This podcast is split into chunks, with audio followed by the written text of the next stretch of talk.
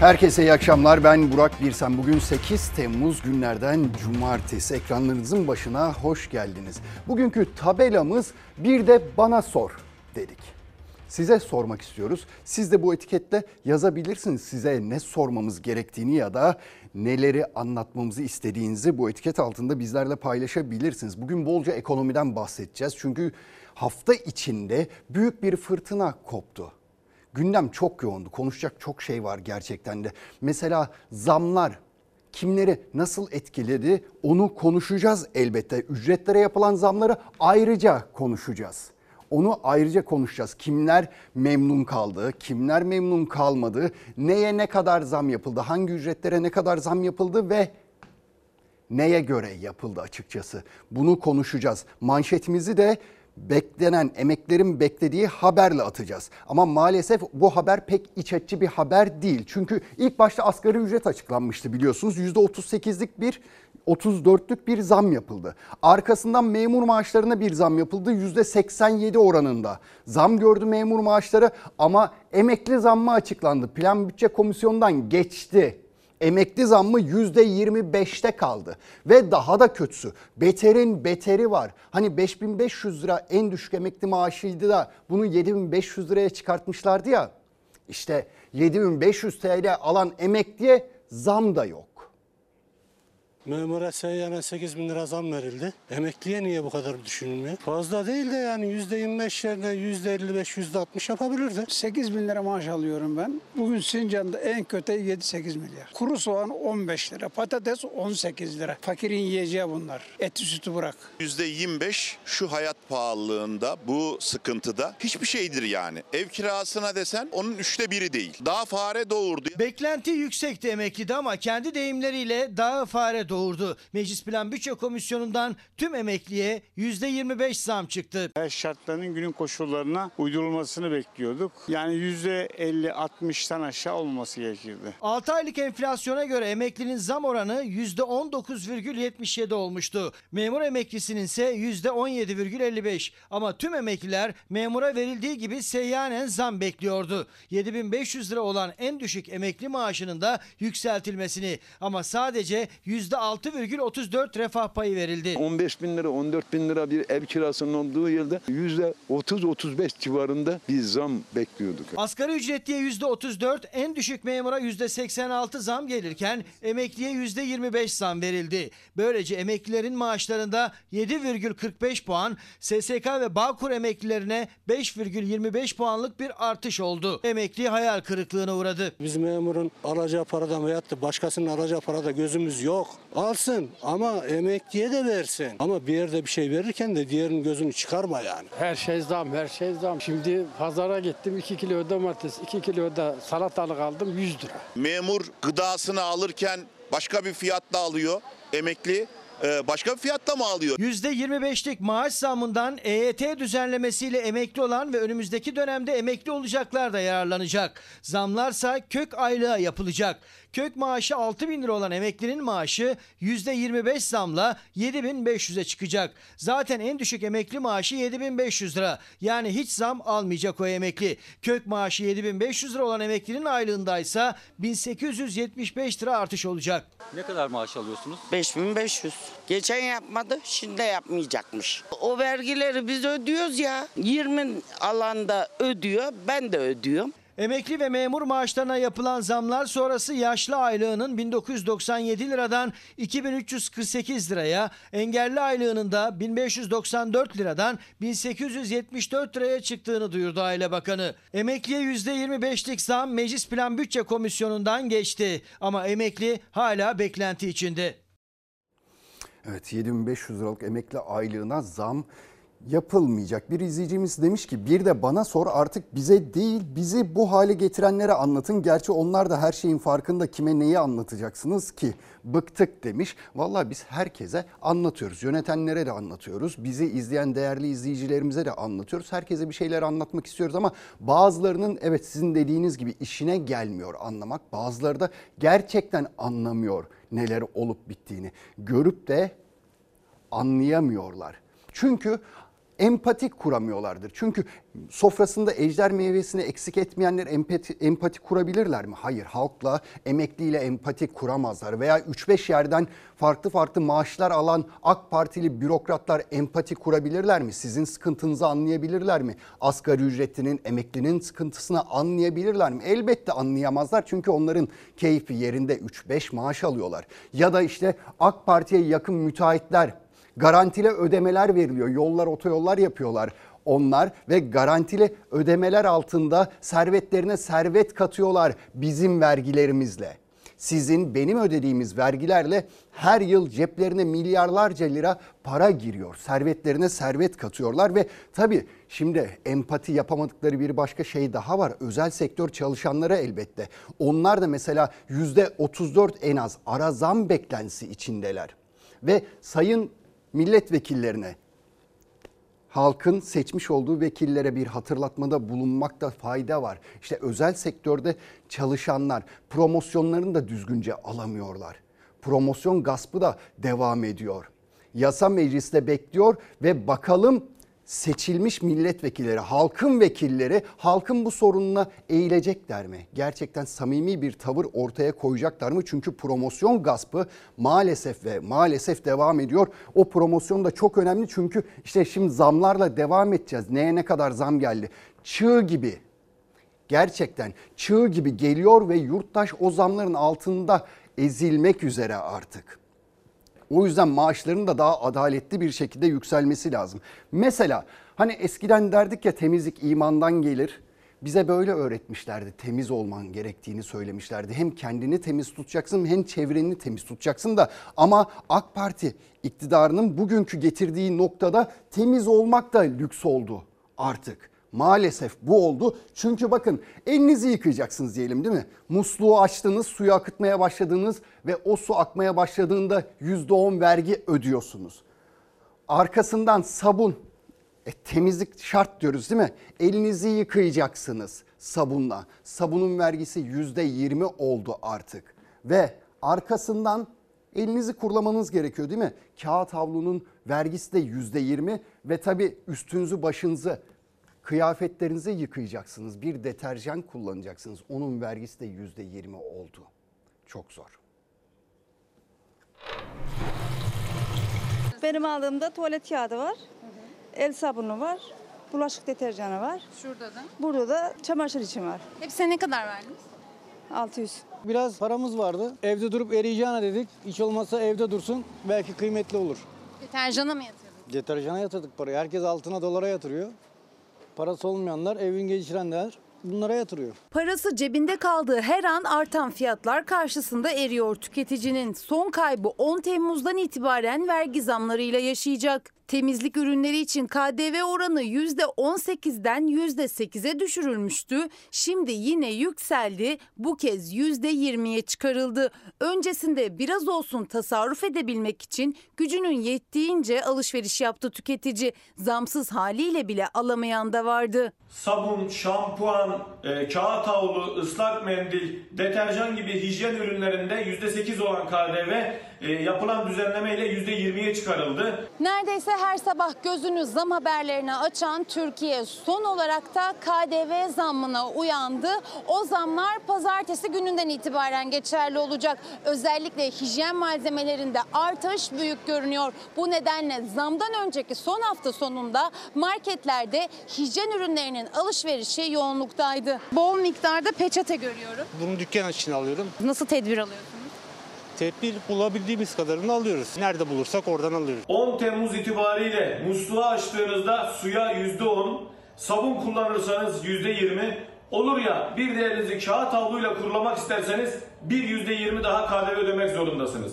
Yani geldiğimiz noktada suya sabuna dokunmak da lüks oldu. Onlar hayatımızın bir parçası gibi olması o temel ihtiyaçlarımız.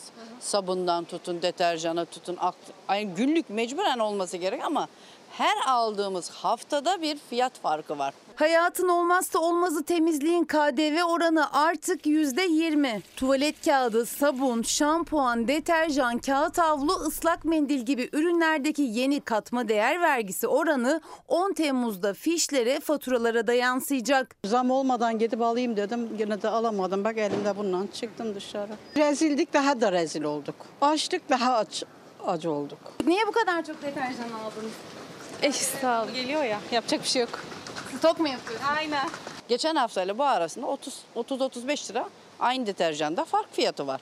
Pazartesiden itibaren de vergi farkı oldu. Evet o da üstüne katlanacak yani e, durum çok vahim. Bu enflasyonda, bu hayat pahalılığında, bu derin yoksullukta direkt tüketiciye yansıyacak olan ve adaletsiz olan bu dolaylı vergilerden en temeli KDV'nin arttırılması gerçekten izaha muhtaçtır. Ucuzuna gitmek zorundasın. Ne kadar olur, ne kadar geriye gidebilirim, ne kadar ucuz ya da merdiven altı imalat kullanabilirim? Yaşamınızın kalitesinden ödün Yani veriyor. kendin oradan vermek zorundasın. Demin bir abimiz ne güzel söyledi değil mi? İşte zenginler altına, dolara, borsaya yatırım yapıyorlar. Biz neye yatırım yapıyoruz? Deterjana yatırım yapıyoruz. Şampuana yatırım yapıyoruz. Çünkü işte bu son vergilerle beraber artık ne diyeceğiz çocuklarımıza ya da kendimize şunu mu söyleyeceğiz? Haftada bir banyo yapın, az şampuan kullanın mı diyeceğiz? Elimizi daha az yıkamalıyız mı diyeceğiz? Nasıl üstesinden geleceğiz bunların? Tabii işte bizi yönetenlerin bunu düşünmesi lazım ama gerçekçi politikalarla yol izlemek gerekiyor. Gerçeklerden uzaklaştığın zaman işte bu tür vergiler koyuyorsunuz ve vatandaşın, yurttaşın sırtına biniyor bu vergi yükü de. Sizi ilgilendiren hiçbir şey olmuyor. Zengini alakadar hiç etmiyor. Zaten milyarlarca lirası olan insan %20'lik verginin hesabını yapmayacaktır umarım. Uma, yani yapmayacaktır. Kesinlikle yapmayacaktır. Asıl bunu yapacak olanlar dar gelirliler. Enflasyonun altında ezilen insan onlar ama işte gerçeklerden uzak bir politika izliyoruz. Niye? Çünkü TÜİK enflasyonu yüzde 38 açıklıyor. İTO enflasyonu yüzde 55 açıklıyor. ENAK enflasyonu yüzde 108 açıklıyor. TÜİK'e göre ücretlere zam yapıyorsunuz. ENAK'a göre de çarşı pazarda etiketlerin fiyatı değişiyor. İş böyle olursa zaten çıkmaz yola giriyorsunuz. Ve Arap saçına dönüyor işte her şey. Birbirine karışıyor ve bunun cezasını da maalesef yurttaşlar çekiyor. Şimdi nereye gideceğiz? Ha, şöyle bir durum da var elbette. Yurt dışından telefon getirenleri de etkiledi bu son zamlar. Ve şu gördüğünüz kuyruk ne kuyruğu? 14 bin liranın kuyruğu.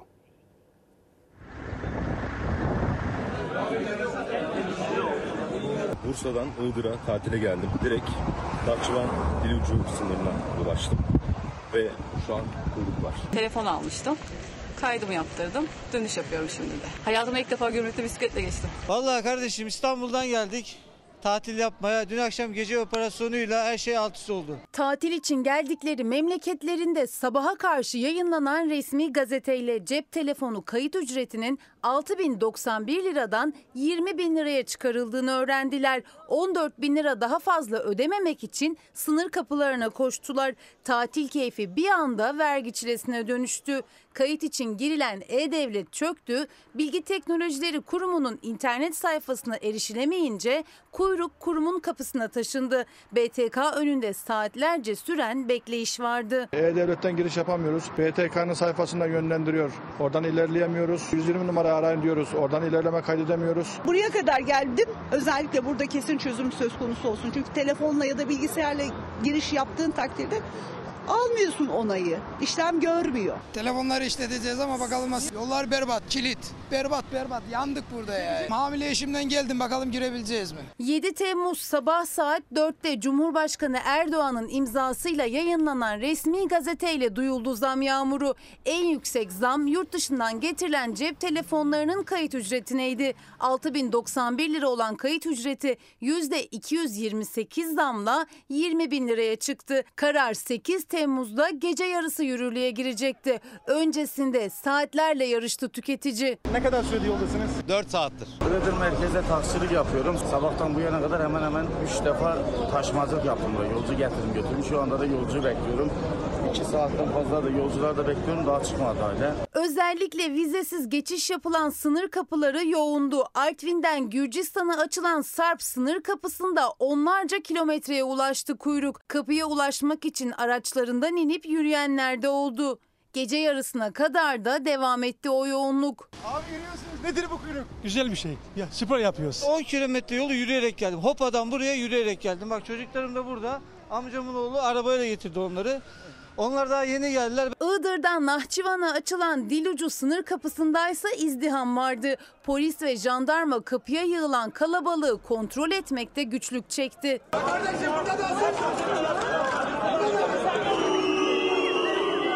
Vizeyle geçiş yapılan Pazar Kule sınır kapısında da araç trafiğine takılmak istemeyenler bisikletle geçti sınırı. Hem telefonlarını kaydettirdiler hem de günübirlik Yunanistan gezisi yapıp döndüler. İstanbul'dan geldik sabah. Ufak da bir tatil gibi bir şey oldu bizim için. İçeride biraz turladık, biraz da oraları gördük. Evet memlekette yoksulluk sınırı 33 bin lira civarında ama aylıklara baktığınız zaman işte emekli ayrı, aylığı 7500 lira ama daha da kötüleri var. İnanın daha da kötüleri var. Yaşlı aylığı şu anda 2348 lira. %40-69 engelli ayrı, aylığı 1874 lira. %70 ve üzeri engelli aylığı 2811 lira oldu. Şaka gibi değil mi? Ama gerçek. Türkiye'nin gerçeği. İşte başka yerlere bol bol para harcanıyor veya kendilerinden tasarruf hiç kimse etmiyor. Kamuda tasarruf söz konusu bile olmuyor ama işte yurttaşlar açlık sınırında değil çok daha altında ücretler alıyorlar. 2000 lirayla kim nasıl geçinebilir bugünkü Türkiye'de? Nasıl hayatını idame ettirebilir? Ya bırakın kendinize torununuza 1500 lira 1800 lira ne kadardı? İşte 1874 lira. Verin bakalım torununuza 1874 lirayı sadece bir ay sokakta geçsin, arkadaşlarıyla orada burada otursun, kalksın, eve gelsin. Yetecek mi, yetmeyecek mi bir görün. Ama paranın hesabını yapanlar biliyor bunları. Şimdi motorlu taşıtlar vergisine bir bakacağız. Motorlu taşıtlar vergisi iki katına çıktı biliyorsunuz. Murat Batı geçmişi hatırlattı. 2003 yılında yaşanan bir olayı hatırlattı. Bugünle aynı o olayı hatırlattı ve şunu söyledi. Ek MTV artışı anayasaya aykırı. Bir kere yasaya uygun değil. İki tane zaten alıyorlar. Bir de arada neden alıyorlar onu anlamış değilim ben. O yüzden iptal edilmesi lazım. Kime sorarsan sor tabii ki der ki iptal edilmeli. Böyle bir şey olabilir mi? Yani sen halktan parayı resmen cebinden çıkarıp alıyorsun. Anayasanın belirgin ilkeleri var. İşte belirlilik ilkesi, mali güce göre vergileme ilkeleri dediğimiz bu ilkelere aykırı olduğu için anayasaya aykırıdır diyoruz. Motorlu taşıtlar vergisinin bu yıl iki kez ödenecek olmasına araç sahiplerinden itirazlar yükselirken vergi hukuku uzmanı Murat Batı da ek MTV artışı anayasaya aykırı dedi. Bu düzenlemeyi muhalefet partisi Anayasa Mahkemesi'ne taşırsa 1999 depremi dolayısıyla 2003'te verilen Anayasa Mahkemesi kararına benzer bir karar verilmesi kuvvetle muhtemeldir. CHP Anayasa Mahkemesi'ne taşıyacağız açıklaması yapmıştı. Geçmişte de örneği var. 99 depreminin yaralarını sarmak için AK Parti 3 Nisan 2003'te meclise yine ek motorlu taşıtlar vergisi artışı sunmuştu. CHP'nin itirazı sonrası Anayasa Mahkemesi iptal etmişti. İptal gerekçesinde de Anayasa Mahkemesi şöyle bir şey söylüyor. O dönem olağanüstü koşulları finanse etmek için bu getirildi. Tıpkı şu anda olduğu gibi bu olmazsa olmaz bir şey değildi. E, bu nedenle bunun iptal edilmesi gerekir diye bir karar verdi Anayasa Mahkemesi. Deprem vergisi. Deprem olalı 7 ay oldu. Şimdiye kadar niye olmadı? 99'dan beri deprem vergisi ödüyoruz. Biriken paralar nerede? Depremde bir ton para toplandı. Hiç kimse ondan bahsetmiyor. İktidarın meclise sunduğu torba yasa teklifiyle araç sahiplerine 6 Şubat depremlerinin açtığı ekonomik kayıpların telafisi için ek vergi getirildi. Anayasa Mahkemesi de kuvvetle muhtemel 2003'teki kararla aynı gerekçeleri yani bu işin anayasanın belirlilik ilkesine, getirilme gerekçesine ve mali güç gerekçesine aykırı olduğu e, gerekçesiyle e, sanıyorum bu ek motorlu taşıtlar vergisini iptal edecektir. Tır da şu an 6 bin liraydı 2023 yılı için. Ben 3 binini ödedim. 3 bini de bu ay ödeyeceğim ve 6 bin lira daha ödeyeceğim. Bir de bir anda. Belki de ödeyemeyeceğiz. Kalacak öyle arabaya çekeceğiz kafamıza yatacak araba kapıda. Anayasa Mahkemesi kararının geriye yürümemesi esastır. 2024 Mart, Nisan, Mayıs aylarında karar verirse o tarihten sonra uygulanmayacak. Bu demektir ki Anayasa Mahkemesi'nin iptal ettiğini varsayarsak ve iptal ettiği tarihe kadar biz bunları ödemişsek ödemiş olduk. İade alamıyoruz. O tarihe kadar ödememişsek ödememize gerek yok demektir. Aynı maske cezası gibi yatıracaklar. Yatıran yatırdığıyla kalacak, yatırmayandan da silinecek diye düşünüyorum. Bir ara bir, bir defa daha olduydu. Motoru ilk bir defa da yatırdık. Aldığından aldı, almadığından biz alacağımızı aldık, aldık dedi mesela. Araç sahiplerinin de kafası karışık uzmanlara göre ek motorlu taşıtlar vergisiyle ilgili yapılacak itiraz sonrası Anayasa Mahkemesi'nin vereceği karar önemli. Ödememekte çare değil. Çünkü aksi bir karar çıkarsa o zaman da gecikme zammıyla mağduriyet daha da katlanabilir. Araç sahipleri bunu ödemezlerse Anayasa Mahkemesi de bu düzenlemeyi iptal etmezse ödemediğiniz her ay için %2.5 bir gecikme zammı da ayrıca uygulanacak.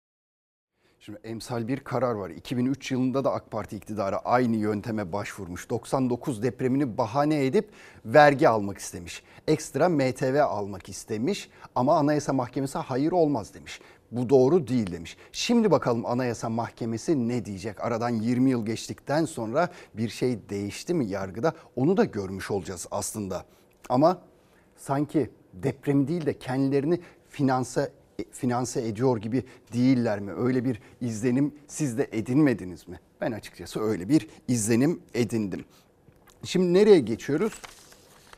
Ha kredi, krediler, bankalar şimdi sözüm ona kredi musluklarını açtılar. Öyle söyleniyor ya kredi verecekler vesaire diye. Hayır aradığınız krediye maalesef ulaşılamıyor. Bir iki banka başvurdum. Red cevap geldi. Vermiyorlar, kredi vermiyorlar. Şu an mevcut yaşamda krediye ister istemez ihtiyaç duyuyorsunuz. Nefes aldırmıyor yaşam. Bankalar faize devam hem de yüksek. Krediye herkesin ihtiyacı var. Krediye ihtiyaç olmaz olur mu? Biz ticaretle uğraşıyoruz. Yani bunun için krediye ihtiyaç var ama bankaya gittiğiniz zaman bankalar vermiyor kredi. Bir sürü bahane sunuyorlar. Krediler durduruldu maalesef. Tüketici esnaf esnaf kooperatifi yüksek faize rağmen nakit ihtiyacını krediyle karşılamak istiyor ama bankalar kredi musluğunu kıstı. Kamu bankaları bile 70 bin liraya kadar ihtiyaç kredisine aylık %1,94 faiz uyguluyordu. %2,64'e kadar yükseltti. Yani yıllık %40'a yaklaştı. Ticari kredilerin faizi de yükseldi. Buna rağmen kamu bankaları da özel bankalarda her ihtiyacı olana kredi vermiyor artık. Şu anda bankaların 300 bin liraya karşılık 10 yıla istedikleri rakam 1 milyon 82 bin lira. Yani bu ne demek oluyor?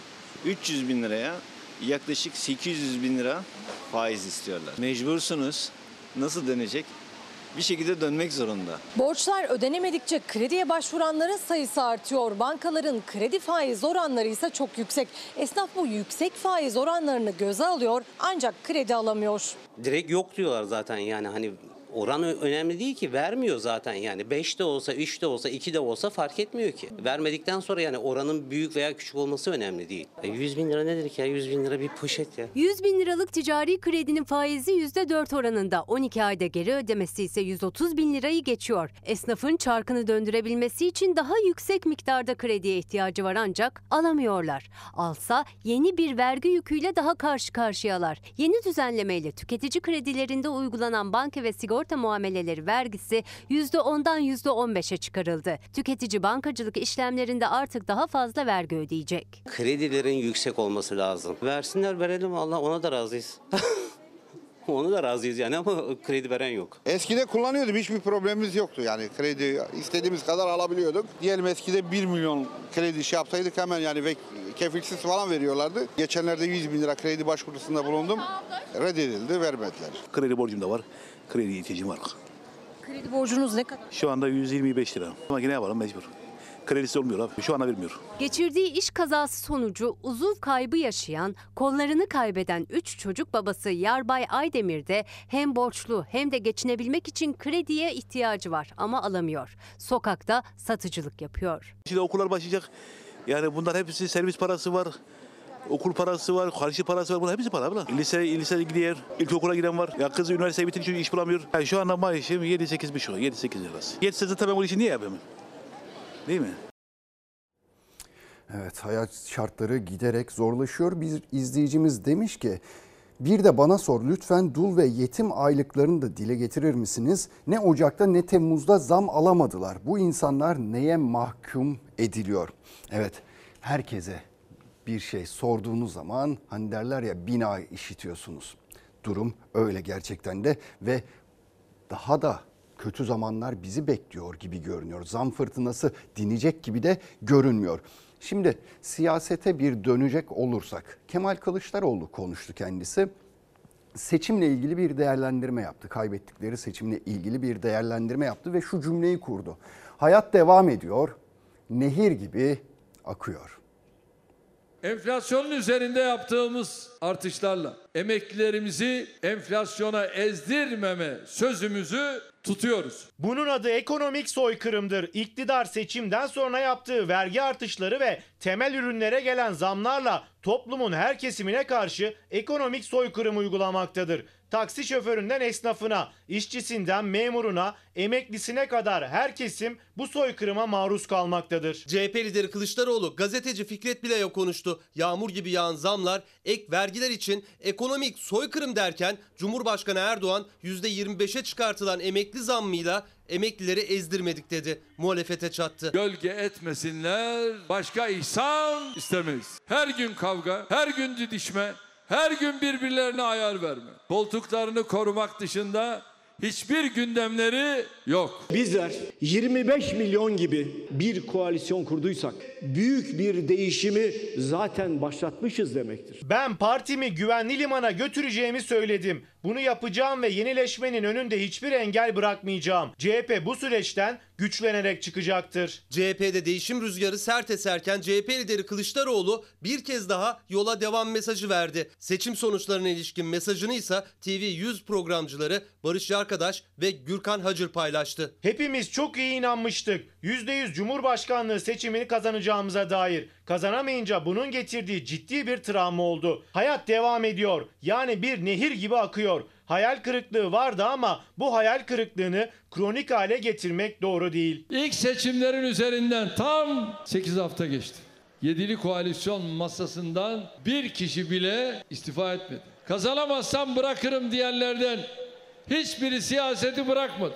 Değişen şeyler %20'lerden %48'lere uzanan kitlelerdir. Bugüne kadar vekil çıkarmadığımız yerlerde ilk kez milletvekili çıkardık. Oylarımızda bir gerileme olmadı. Öbürüne bakıyorsun 49'dan 35'lere kadar düştü. Yerel seçimlerde çok daha güçlü bir şekilde çıkacağız. Kılıçdaroğlu parti üyelerine gönderdiği mektupta da mücadelemizi eskisinden daha güçlü sürdürmek zorundayız dedi eskisinden daha güçlü sürdürmek zorundayız diyorlar ama ortada hiç kimse yok. Altılı Masa'nın liderlerini görebilene aşk olsun. Ya işte emekliye, memura, asgari ücret diye zam yapılıyor. Peşi sıra her türlü ürüne, KDV'ye, ÖTV'ye zamlar geliyor ama muhalefet partisinin liderleri ortalarda yok. Seçim öncesinde o gezen insanlar, sokağa inen insanlar bir anda buhar olup uçtular sanki. Ha diyeceksiniz ki neredeler? Evet Twitter'da varlar. Sosyal medyada boy gösteriyorlar kendileri. Özellikle Meral Akşener, Ali Babacan, Davutoğlu, Sayın Davutoğlu onlar Twitter'da mesaj atıyorlar ama bu iş sosyal medyada olmuyor maalesef. Gerçeklere bir göz atmanız, insanlara dokunmanız gerekiyor. Kameraların karşısına geçip eskiden olduğu gibi bir açıklama yapmanız gerekiyor. Belki de Kemal Kılıçdaroğlu mutfağından seslenebilirdi insanlara. Şu yoğun zamlar peş peşe geldikten sonra bunu yapabilirdi ama onu da yapmadı. Nedense onu da yapmadı anlamak mümkün değil ama %48'i temsil ediyor o muhalefet partisi liderleri ve bunu unutmamalılar açıkçası. Şimdi Can Atalay'a bir bakalım. Tam seçileli milletvekili olalı 54 gün oldu ve 54 gündür hala cezaevinde kendisi. Şimdi Yargıtay Cumhuriyet Başsavcılığı da kendisiyle ilgili sonunda tebliğnameyi hazırladı. 54 gündür çünkü bu bekleniyordu. Bunun hazırlanması bekleniyordu ve Cumhuriyet Başsavcılığı şunu söyledi. Tahliye edilmemeli dedi. Can'ın tahliye edilmesi lazım. Şimdi bizim beklediğimiz şey Can lehine derhal karar vermesiydi. Bu kararı vermemiş. Yargıtay Cumhuriyet Başsavcılığı Gezi davası ile ilgili beklenen tebliğnamesini hazırladı, ilgili daireye gönderdi. Atalay'ın dokunulmazlık kapsamında olmadığı yönünde görüş bildirdi. Başsavcılık Atalay'ın tahliyesinin reddini istedi. Soruşturmasına seçimden önce başlanan ağır cezayı gerektiren bir suç varsa ve isnat edilen bu suç Türkiye Cumhuriyeti Anayasası'nın 14. maddesi kapsamında yer alıyorsa yasama dokunulmazlığının istisnası söz konusu olur. Can Atalay'ın tahliye edilmesi konusunda olumsuz görüş bildiren başsavcılık gerekçe olarak anayasanın 14. maddesini gösterdi. 14. madde hak ve hürriyetlerden hiçbiri layık cumhuriyeti ortadan kaldırmayı amaçlayan faaliyetlerde kullanılamaz diyor. Anayasa 14 devletin bölünmez bütünlüğüne dönük suçları kapsıyor. Diyor ki eğer anayasa 14 kapsamındaysa ilgili makam derhal Türkiye Büyük Millet Meclisi Başkanlığı'na bildirir durumu diyor. Can'la ilgili Adalet Bakanı şey iddia yok. ettiği şey bu da yok. Yani bir hükümlü değil. 2 54 Bir gündür bildirim yapılmamış. herhangi bir bildirim yapılmamış. Can Atalay bir buçuk yıldır tutuklu Gezi davasından. Hüküm giymedi. Milletvekili seçildikten sonra mazbatasını aldı. İnsan Hakları Komisyonu'na üye de seçildi ama 54 gün geçti tahliye edilmedi. Yargıtay Cumhuriyet Başsavcılığı'nın Gezi tebliğnamesini davanın görüldüğü Yargıtay 3. Ceza Dairesi'ne göndermesi bekleniyordu. O tebliğname mahkemeye ulaştı. Atalay'ın dosyası dokunulmazlık kapsamı dışında tahliye edilmemeli diyerek görüş bildirdi başsavcılık. Bu bir karar değil. Bu bir savcı talebi. Yargıtay Cumhuriyet Başsavcılığı Can Atalay'ın cezası onansın dedi ama ilgili mahkemenin vereceği karar önemli. Tip Genel Başkanı Erkan Baş daha önce verilen kararları da hatırlattı. Bu konuda Anayasa Mahkemesi'nin daha önce verdiği kararlar var. Bu karar kendi bugüne kadar verdikleri bütün kararların çiğnenmesi anlamına gelir. İyi tarafından bakalım. İyi tarafı şu. 3 gün içerisinde artık yargının bu konuda bir karar vermesi gerekiyor. Can'la ilgili kısmına dair. 54 gün boyunca süren tartışmada da sona gelindi. Yargıtay 3. Ceza Dairesi'nin vereceği karara göre Atalay'ın durumu netleşecek. Gözler mahkeme kararına çevrilmişken başsavcılığın tebliğnamesinde tutuklu sanık Mücella Yapıcı'nın cezasının bozulması istendi. Aralarında Osman Kavala'nın da bulunduğu diğer tüm sanıklar hakkındaki cezaların onanması. Yapıcı'nın cezasının bozulmasına ilişkin kesin ve inandırıcı deliller bulunmadığı ifade edildi. Evet, şimdi Çorlu tren kazasına bir bakacağız. Çorlu tren kazasının duruşması var. 5 yıl önce olmuştu. Onlarca duruşma görüldü ve bir kez daha duruşma görülecek ancak aileler şunu istiyorlar. Dönemin Ulaştırma Bakanı'nın, dönemin Türkiye Cumhuriyeti Devlet Demiryolları Genel Müdürü'nün de yargılanmasını talep ediyorlar.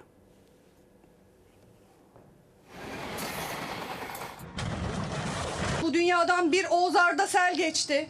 Bihter geçti. 6 aylık Beren bebek geçti. 7'si çocuk, 25 insan bu ülkede birilerinin ihmali yüzünden bu hayatı bize zindan ettiler. Tarih 8 Temmuz 2018 saat akşam 5. Edirne Uzunköprü'den İstanbul'a doğru yola çıkan tren Tekirdağ Çorlu'ya bağlı Sarılar Köyü'nden geçerken yağış nedeniyle altı boşalan menfezin çökmesiyle raydan çıktı, devrildi. 7'si çocuk 25 can o kazayla hayattan koptu. Çorlu tren faciasının 5. yılında yakınlarını kaybeden aileler bir kez daha adalet talep ettiler. 5 yıldır biz e, giderek artan bir özlemle yolumuza devam ediyoruz. Onları görememek, seslerini duyamamak, yanlarında olamamak ne yazık ki özlemi daha da büyütüyor. Adaletin sağlanmadığını görmek, mezarlarına gittik gittiğimizde bir şey söyleyememiş olmak öfkemizi daha da arttırıyor. 5 yıldır sürüyor hukuk mücadelesi. 300 kişinin yaralandığı, 25 kişinin can verdiği kazayla ilgili tutuklu yargılanan yok. 12 tane sanıkla yargılanma sürecindeyiz. Tutuklu yargılanan yok. Kişiler hala devlet demir yollarında çalışıyorlar ve delil sayılabilecek dokümanlara ulaşabiliyorlar. Maaş alıyorlar. Talebimiz tutuklu yargılanmalarından yana. İhmallerin sebep olduğu olaylar kaza değildir, kader değildir, cinayettir, katliamdır. Aileler davada üst düzey yetkililerin yargılanmasını bekliyor. Son duruşmada Onlar yine evlatları için mahkeme salonundayken dönemin Ulaştırma Bakanı Ahmet Arslan milletvekili seçimleri için aday adaylığını koymuştu. Talepleri kazaya neden olan o menfezi onarmayan, denetlemeyen, göz yuman tüm yetkililerin yargı önünde hesap vermesi. Trenin altından açık gözleriyle bana bakan oğluma benim sözüm var. Onlara hesap soracağım güne kadar ayakta duracağım. En ucuz şey insan canı ve bizi kendi saltanatları uğruna ucuz bir hesaba kurban ettiler. Hayatını kaybeden evlatları için verdikleri sözü tutabilecekleri günün umuduyla 19 Temmuz'daki 14. duruşmayı bekliyor aileler. Adaletin sağlanacağından yana umutlular. Bugün isterdim ki Arda ölümüne sebep olanların her birinin gözlerinin içine bakarak e, hesap sorabildim anneciğim diyebilmeyi isterdim. Bir gün eğer ki adaletini sağlayabilirsek çok sevdiği kırmızı balonlarını mezarına götüreceğim ve e, onları gökyüzüne uçuracağım. O zaman oğlum daha rahat uyuyacak. Bir mesaj okuyayım sizden gelen Aykut Bey yazmış. Sanki hissetmiş gibi. Bakın diyor ki Asarcığın sağlık ocaksız kalması senenin 2023 olup sağlık hizmeti için 66 kilometre gitmemizi bir de bana sor demiş. Asarcık Sivas'ın bir köyü. Aykut Bey yazmış. Vallahi bizim akışımı ele geçirdi kendisi ya da bizi mi gözetliyor bilemeyeceğim ama tam da o haberi biz hazırlarken bu tweet'i attı. İçine doğmuş gibi biz de o zaman ona bir yanıt verelim. Sivas'ın Asarcık köyünde 30 yıldır seslerini duyan yok onların. Sağlık ocağı yapıldı 30 yıl önce ama sağlıkçı atanmadı. Burası Sivas'ın merkeze bağlı Asarcık köyü. Burası da Asarcık köyünün sağlık ocağı. Yıllar önce yapılmıştı bu sağlık ocağı. Ama hiçbir zaman buraya sağlıkçı gelmedi. Köyde sağlık ocağı var ama sağlıkçılarımız yok. Bir hastamız olsa Sivas bize 65 kilometre. Buraya gidene kadar bir hastamız ölüyor. Bina var, personel yok. Sivas'ın Asarcık köyünde yaşayanlar 30 yıldır sağlıkçı bekliyor. 1993 yılında Asarcık köyüne bir sağlık merkezi yapıldı. Ancak hiç sağlıkçı gönderilmedi. Defalarca yetkili makamlara ulaştılar. Sağlık personeli talep ettiler. Seslerini duyurmaya çalıştılar. Çare olmadı. Bu şekilde kapıları kilitli. Bir sağlık ocağı ve sağlıkçısı yok. Şeker hastası var, tansiyon hastamız var. Hemşire yok, karnımız ağrıyor, gidemiyor. Hastaları yetiştirmek, ilaç almak çok zor. Elimiz kesilse sağlık ocağımız olsa şurada gider sağlıkçıya deriz ki kardeşim burada elimiz yırtıldı. Hani şu elimize şu battığı halde bugün düşün 70 kilometre yol gidiyor. Bugün 70 kilometre yol gidip gelip demek bugün 1000 liraya takip geliyor. Git gel 1000 lira. Yazık günah değil mi bu insanlara? Kışın 300 nüfuslu köy, yazın 2000'e kadar çıkıyor nüfus. Bir sağlık problemi yaşadıklarında Sivas merkeze gitmek zorundalar. Bu hem zaman hem para kaybı onlar için. Acil bir durumdaysa hayati risk demek. İlaç yazdırabilmek bile büyük bir sıkıntıya dönüşüyor köyde. Sivas'a gitme uçuna, ilaç alma uçuna, vahat Bahalıyor, bahalı. Araba bulamıyoruz, arabamız yok, emekliyiz. Buranın kış şartları, yolları çok zor oluyor. Gidiş geliş buradaki yaşların maddi imkanlarını zorluyor. En azından bir hemşire bir ebe olmasını rica ediyoruz sizlerden. Asarcık çevresindeki 8 yakın köyde yaşayanlar da Asarcık'taki sağlık merkezine personel gelmesini istiyor. Köylüler son olarak imza toplayarak dilekçe verdi Sağlık Bakanlığı'na. Yine yanıt bekliyorlar. Bak ihtiyarlar da burada, biz de burada yok. Kışın mecbur İstanbul'a gidiyor. İstanbul yaşanacak yer değil. Ama mecbur kalıyoruz gitmek için. Köyde sağlık personeli olmaması özellikle yaşlılar, kronik hastalar ve bebek bekleyen anne adayları için zor. Tarım arazileriyle çevrili yemyeşil köyün yıldan yıla göç vermesinin nedeni ekonomiden de öte sosyal şartlar. Sağlık imkanlarına ulaşamamaları. Bugün eti pahalı yememizin, gıdayı pahalı yememizin tek sebebi Anadolu köylerinde eğitim ve sağlık olmadığı için. Büyüklere rica ediyor, gönderirseniz sağ olun, var olun, teşekkür ederim. Her şey göstermelik gerçekten de Asarcık köylülerinin bu sesini duyar umarız. Yönetenler de bu utanç, bu ayıp da bir an önce onlar için son bulur. Şimdi iklim değişikliğine ve havaların durumuna bakacağız. O kadar değişiyor ki her şey. Bir savuruyor, bir kavuruyor. Sıcaklık Allah'ım. Yanıyorum, yanıyorum. Nereye gitsem sımsıcak. Bir haftada 3. sıcaklık rekoru kırıldı. 2023 yılında ilk kez 3 Temmuz'da 17,01 dereceyle kırılmıştı rekor. 24 saat geçmeden 4 Temmuz'da 17,18'e yükseldi. 6 Temmuz'da ise dünyanın ortalama sıcaklığı 17,23 derece olarak kayıtlara geçti. Küresel ısınma ve iklim değişikliği nedeniyle yaz bitmeden yeni rekorların da kırılması bekleniyor. Bu rekor aslında tehlikenin boyutunu da gösteriyor. 20. yüzyıl boyunca dünyanın ortalama sıcaklığı 14 dereceydi. 2000'li yıllarda ise ortalama yükselmeye başladı. İklim değişiklikleri de beraberinde geldi. Bu mevsimlerin değişmesi ve tahmin edilemez hava olaylarının yaşanması demek. Tıpkı Türkiye'de olduğu gibi bir yanda kavurucu sıcaklar, diğer yanda yağışlar devam ediyor. Doğu ve Güneydoğu illerinde sıcaklık Türkiye rekoruna koşuyor. Güneş altında kalan araçlarda sıcaklık 50 dereceyi buldu. Mardin'de termometreler 48,5 dereceyi gösterdi. Önlem almak zordu belki ama serinlemek için çözüm bulundu. Komandolar da sıcaklara karşı nöbette. Ege bölgesinin en yüksek dağı Denizli'deki Honaz Dağı Milli Parkı'nda tam teçhizatlı 50 komando orman içinde yangınlara karşı devriye görevine başladı. Van'da sıcaktan bunalan hayvanlar soluğu Van Gölü'nde aldı. Adana'da ise çocuklar tehlikeli olmasına rağmen su kanallarında serinledi. Biz böyle yanmışız. Bir yanda kavurucu sıcaklar devam ederken İzmir Dikili'de de denizde hortum oluştu. Tatilciler ne olduğunu anlamaya çalışırken hortum karaya çıktı. İstanbul Şile'de ise sel vardı. Selin ortasında mahsur kalan iki kişi helikopterle kurtarıldı. Yağışlar hafta sonu boyunca devam edecek. Pazartesiden itibaren güneybatıdan gelen kavurucu sıcaklar hafta boyunca yurdun tamamında etkili olacak. Özellikle güney kıyıları ve güneydoğu Anadolu'da aşırı sıcaklar bekleniyor. Üzüldüğümüz günlerden biriydi bugün yine maalesef. Çok değerli bir sanatçıyı, çok önemli bir ismi, Türkiye'nin çok sevdiği bir sanatçıyı kaybettik. Özkan Uğur'u kaybettik.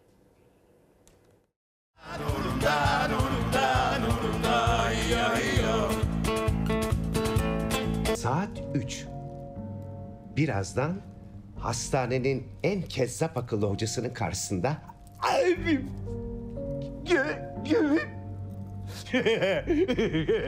Hayranları, sevenleri üçüncü kez hastalığı yenmesini bekliyordu. Üzücü haber geldi.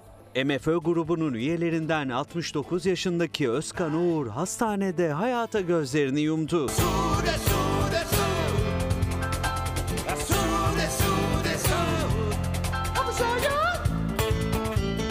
Tedaviyi sürdürdük 6 ay boyunca. Ayda bir kere gittim. Hasta psikolojisine girmedim. Fikirlerim aynen devam etti. Demek ki dedim başıma böyle bir şey gelecekmiş. Hastalıkla mücadelesini Fox Haber'e böyle anlatmıştı usta sanatçı. Hiç pes etmedi hastalığa karşı. Tedavi sonrası sahnelere, setlere döndü. Hayranlarını yalnız bırakmadı. Birçok filmde, dizide unutulmaz karakterlere hayat verdi. Abi çorbaların parası?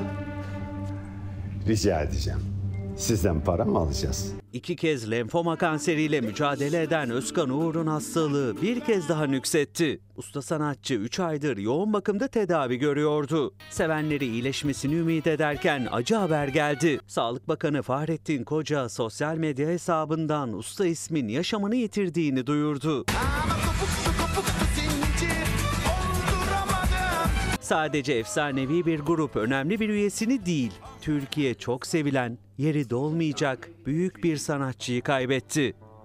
Yanaklarıma of of sımsıcak yazıp Avucumda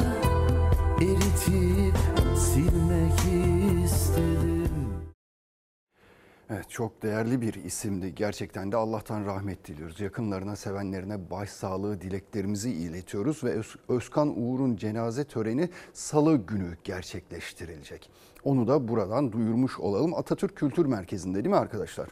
Evet ilk tören Atatürk Kültür Merkezi'nde oradan Taksim Camii'nde kılınacak cenaze namazının ardından Karacaahmet'te de defin işlemleri yapılacak. Bir kez daha Allah rahmet eylesin. Şimdi efendim bir sel görüntüsü. Hayata tutunma çabası.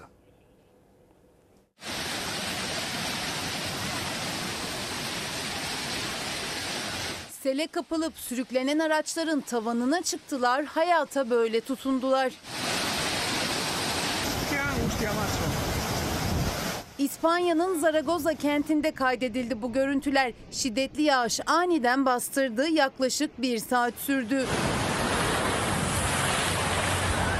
O bir saat yetti her şeyin kabusa dönüşmesine. Onlarca sürücü yağışla meydana gelen sele yolda yakalandı. Araçlar sele kapıldı.